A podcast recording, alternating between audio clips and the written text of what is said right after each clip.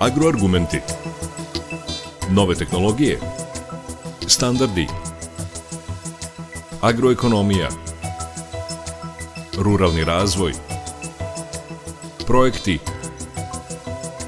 Investicije. Preduzetništvo. Biljna proizvodnja. Stočarstvo. Agroargumenti. Uređuje Đorđe Simović.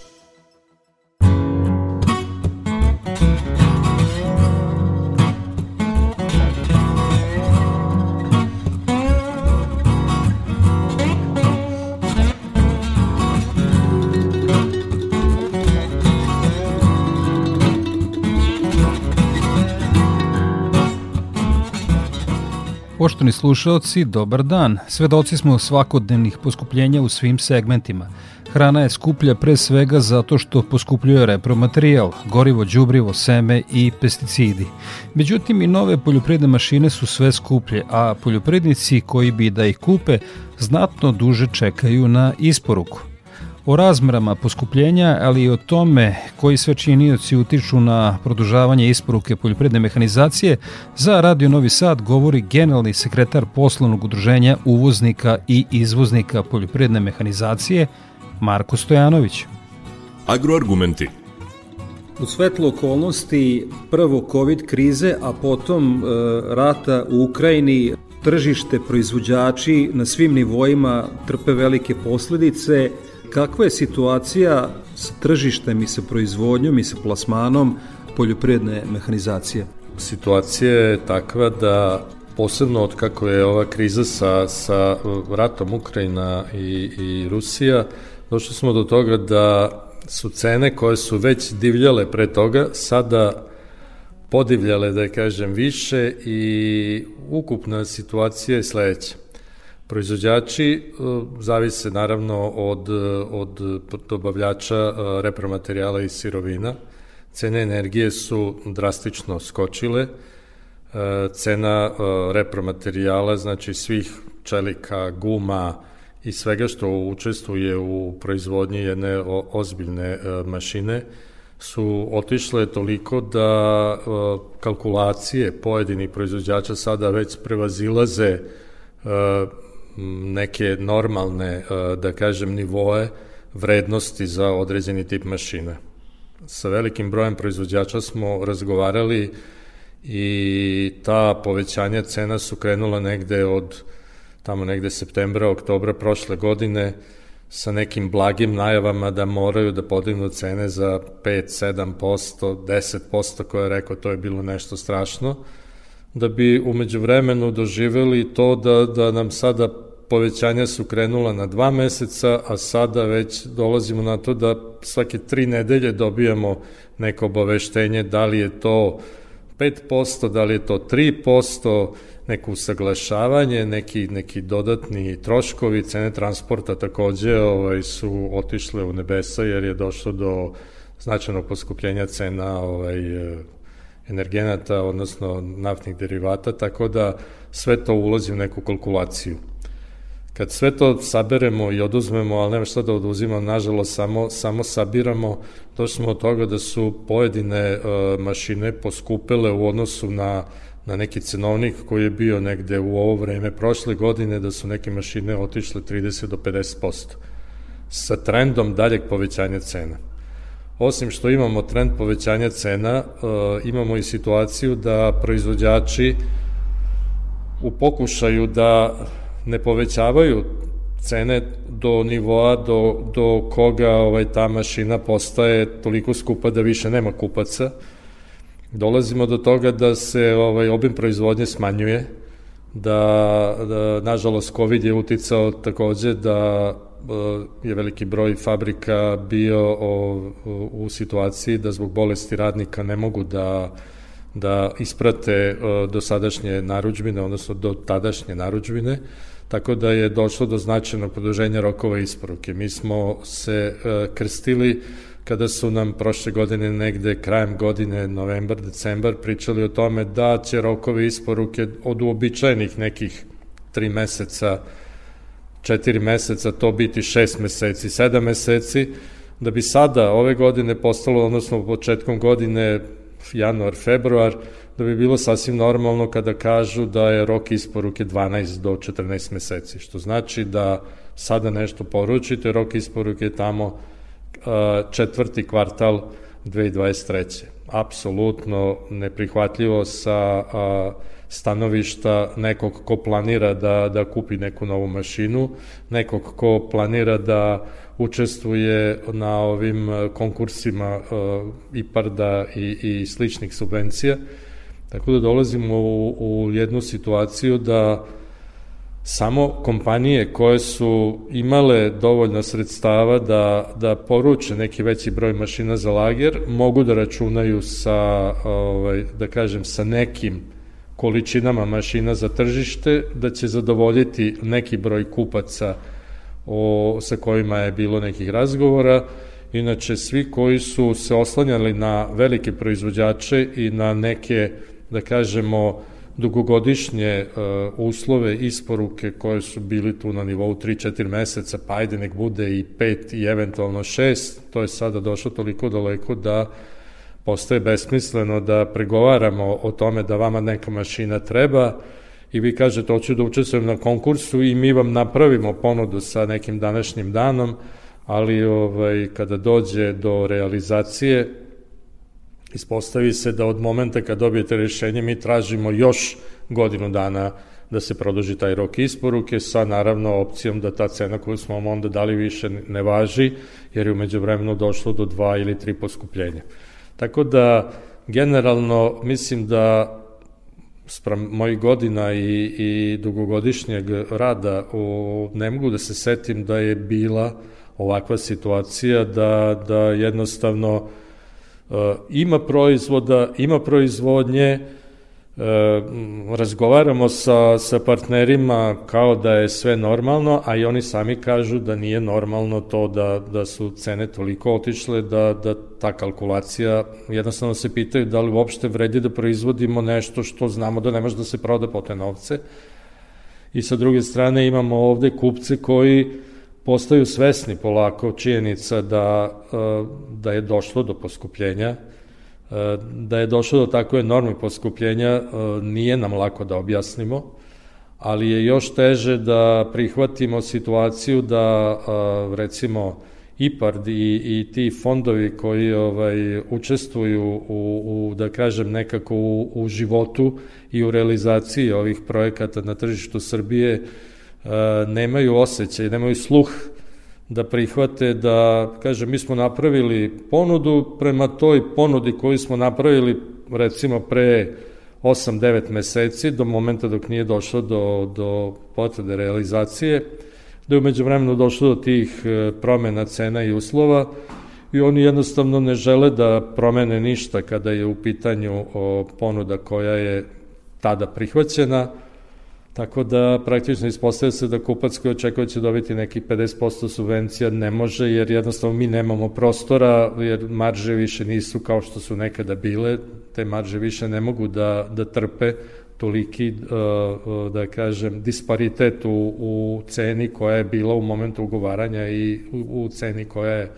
došla na, na dan kada ta mašina treba da se realizuje. Uh, Tako da će biti da će kupci dobijati 20 ili 30% subvencija, a ne 50 kako je bilo, da kažemo, u samom startu kada je konkurs e, objavljen. Tako da, e, generalno mogu da kažem da situacija nije sjajna ni za nas kao trgovce, ni za kupce koji očekuju da, da dođu do mašine ovaj, koji su tako dugo čekali i subvencije koje su toliko dugo bile e, čekane i konačno su došle, nekako dolazi do tog e, disbalansa, ali je situacija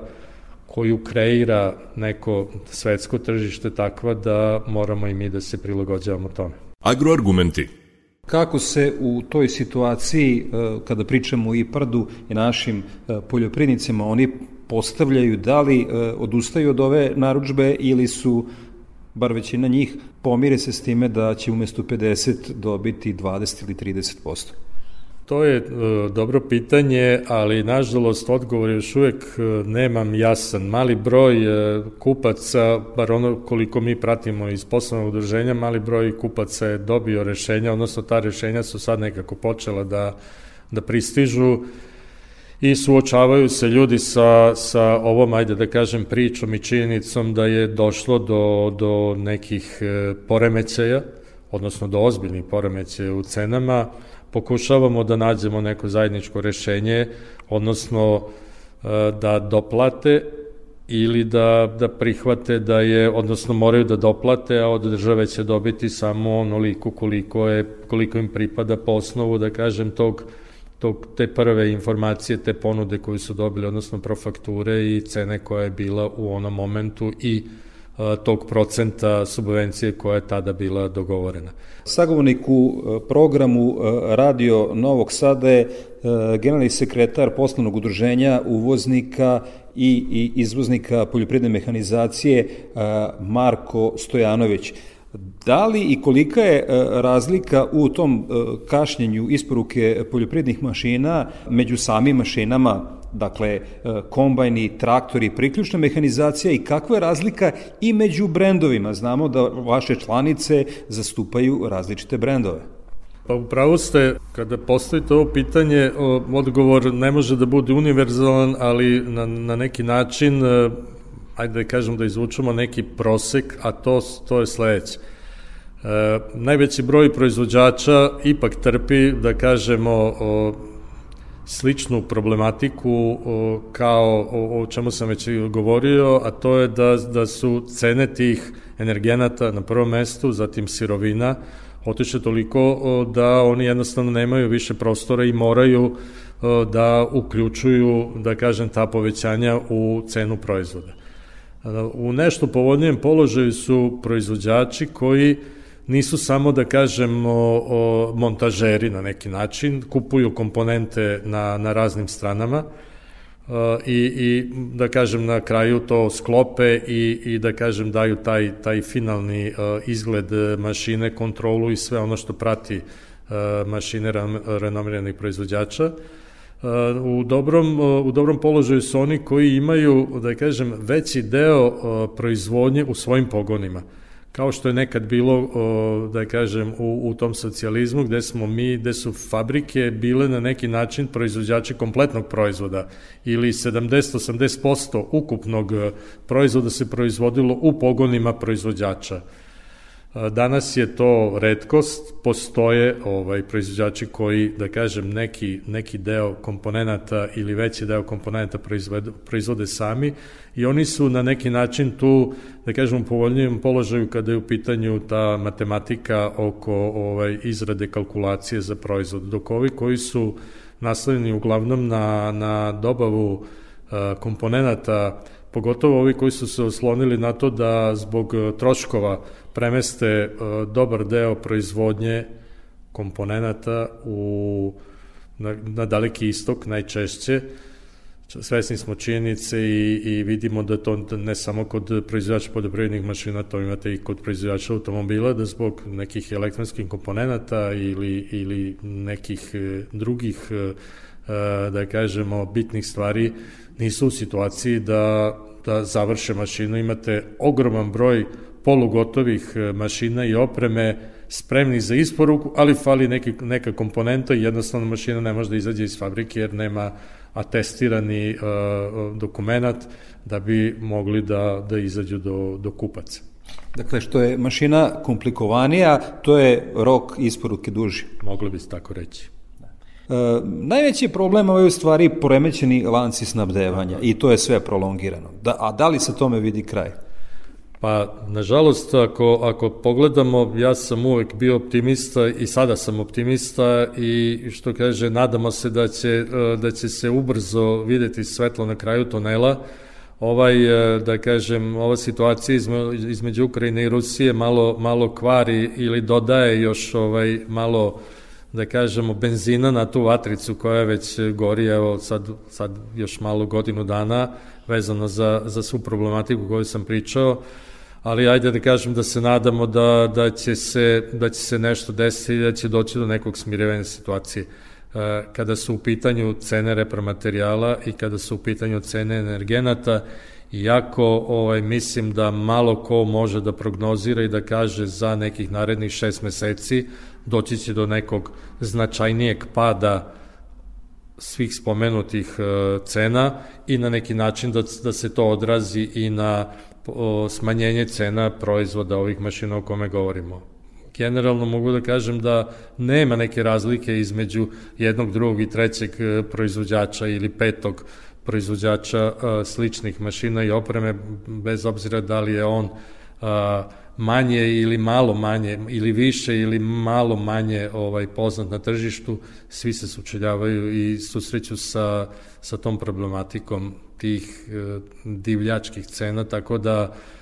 m, sumnjam da ćemo u nekom kratkom periodu imati neko poboljšanje. Koliko će se to odraziti na Sve, sve to na kraju utiče na cenu nekog proizvoda, na kilogram mesa, na, na litar mleka, na, na kilogram nekog voća, dokle će to ludilo da kažem da ide to, mislim da stvarno ovog momenta teško ko može da projektuje. Znamo i mnogo puta smo kroz uh,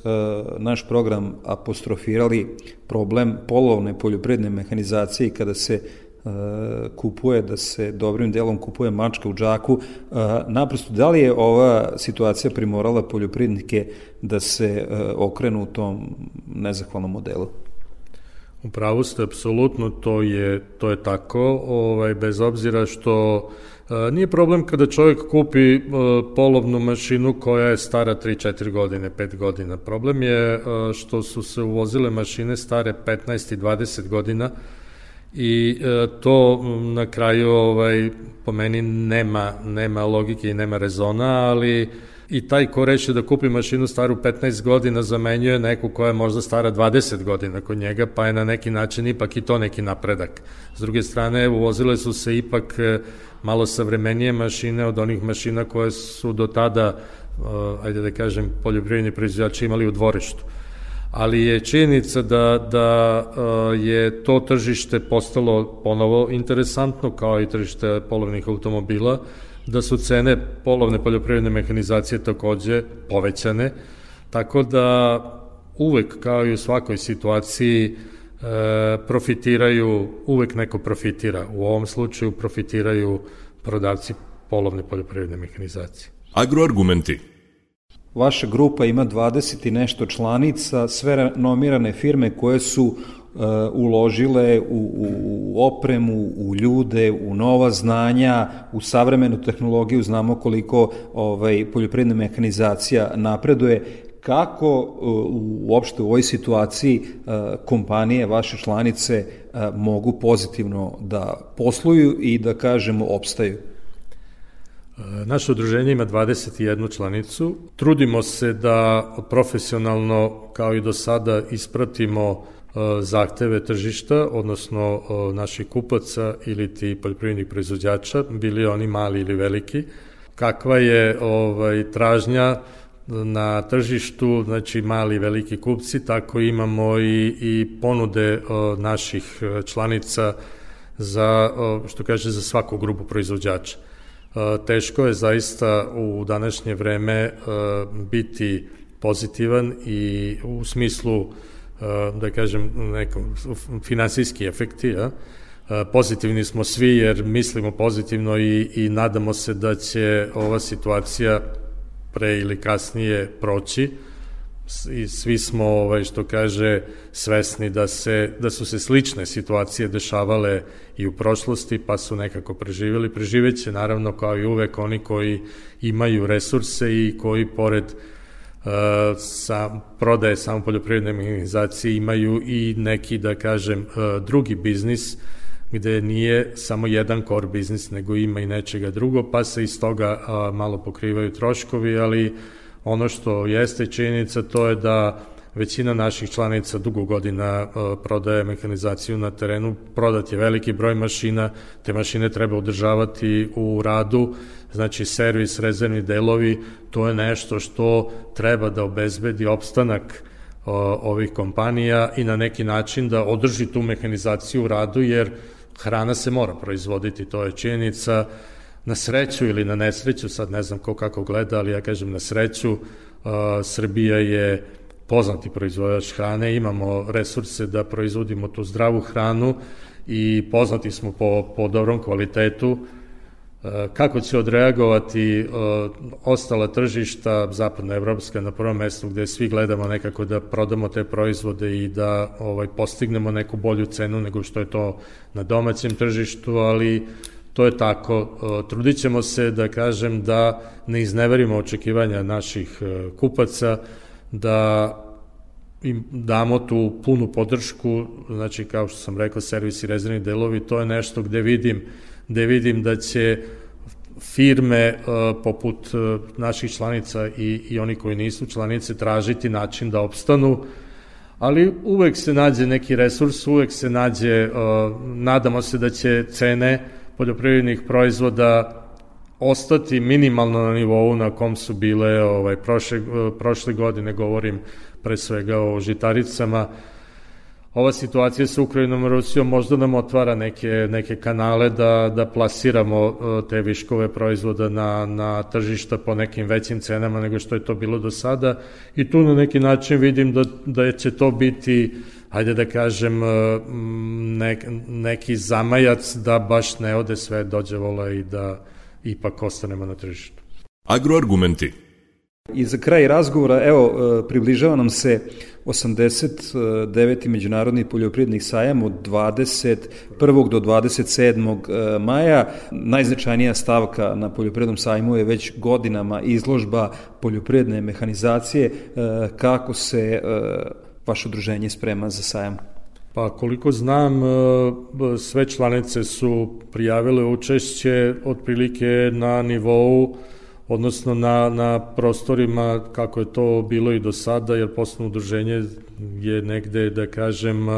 koristi blizu 50% ukupnog otvorenog izloženog prostora Novosadskog sajma, tako da mislim da ove godine će to biti na tom nivou. Spremaju se svi, da li ćemo uspeti svi da pribavimo, ovaj, da kažemo, te neke najnovije modele i da ih izložimo na sajmu, vidjet ćemo, trude se svi da, kao i uvek, to je zaista najznačajnija manifestacija i svi se trude da na tom sajmu predstave, da kažemo, najbolje iz svog programa. Naravno, u ovom slučaju će verovatno to sve biti usmereno u pravcu da to što bude izloženo na sajmu na neki način završi kod kupaca, a to opet znači da su kupci aplicirali na nekom od ovih e, e, na nekom od ovih fondova subvencija. Tako da očekujemo da će manifestacija biti dobra. Očekujemo da će vreme biti dobro. Pozivam evo i ovom prilikom ovaj sve zainteresovane da dođu i da pogledaju to što ćemo prezentovati situacija sa subvencijama je taka kakva jeste, e, konkursi su uglavnom e, objavljeni i traju, neki su završeni, očekujemo da će se taj trend nastaviti i dalje, IPART ide IPART 3, tako da, ajde kažemo, gledamo pozitivno i dalje gledamo pozitivno, nadajući se samo da, da će biti mira i da ćemo, ovaj, što kaže, uspeti da iz ove krize izađemo kao iz mnogih do sada. Svi se tome nadamo. Sagovnik u programu e, Radio Novog Sada je bio generalni sekretar poslovnog udruženja uvoznika i izvoznika poljopredne mehanizacije Marko Stojanović. Hvala vam puno na odvojenom vremenu za naš program. Hvala i vama. Odavno je rečeno da su ljudi najvažniji resurs neke organizacije. Svakako u kompaniji ITN kao i u poslovnom udruženju uvoznika i izvoznika poljopredne mehanizacije, gde je generalni sekretar Marko Stojanović je kao i tokom cele profesionalne karijere oslonac kako za menadžment, tako i za svoje najbliže saradnike. Bilo je pravo zadovoljstvo ugostiti ga u emisiji Agroargumenti. Muzički se od vas opraštam uz kultnu grupu Smak koja je obeležila pola veka rada koncertom u okviru proslave Dana grada Kragujevca za Đurđevdan. Ovim putem im najsrdačnije čestitam. Tim povodom slušamo pesmu Crossroads sa koncertnog albuma nazvanog Odliveno, snimljenog 2012. Ja sam Đorđe Simović i pozivam vas da ostanete uz Radio Novi Sad. Svako dobro.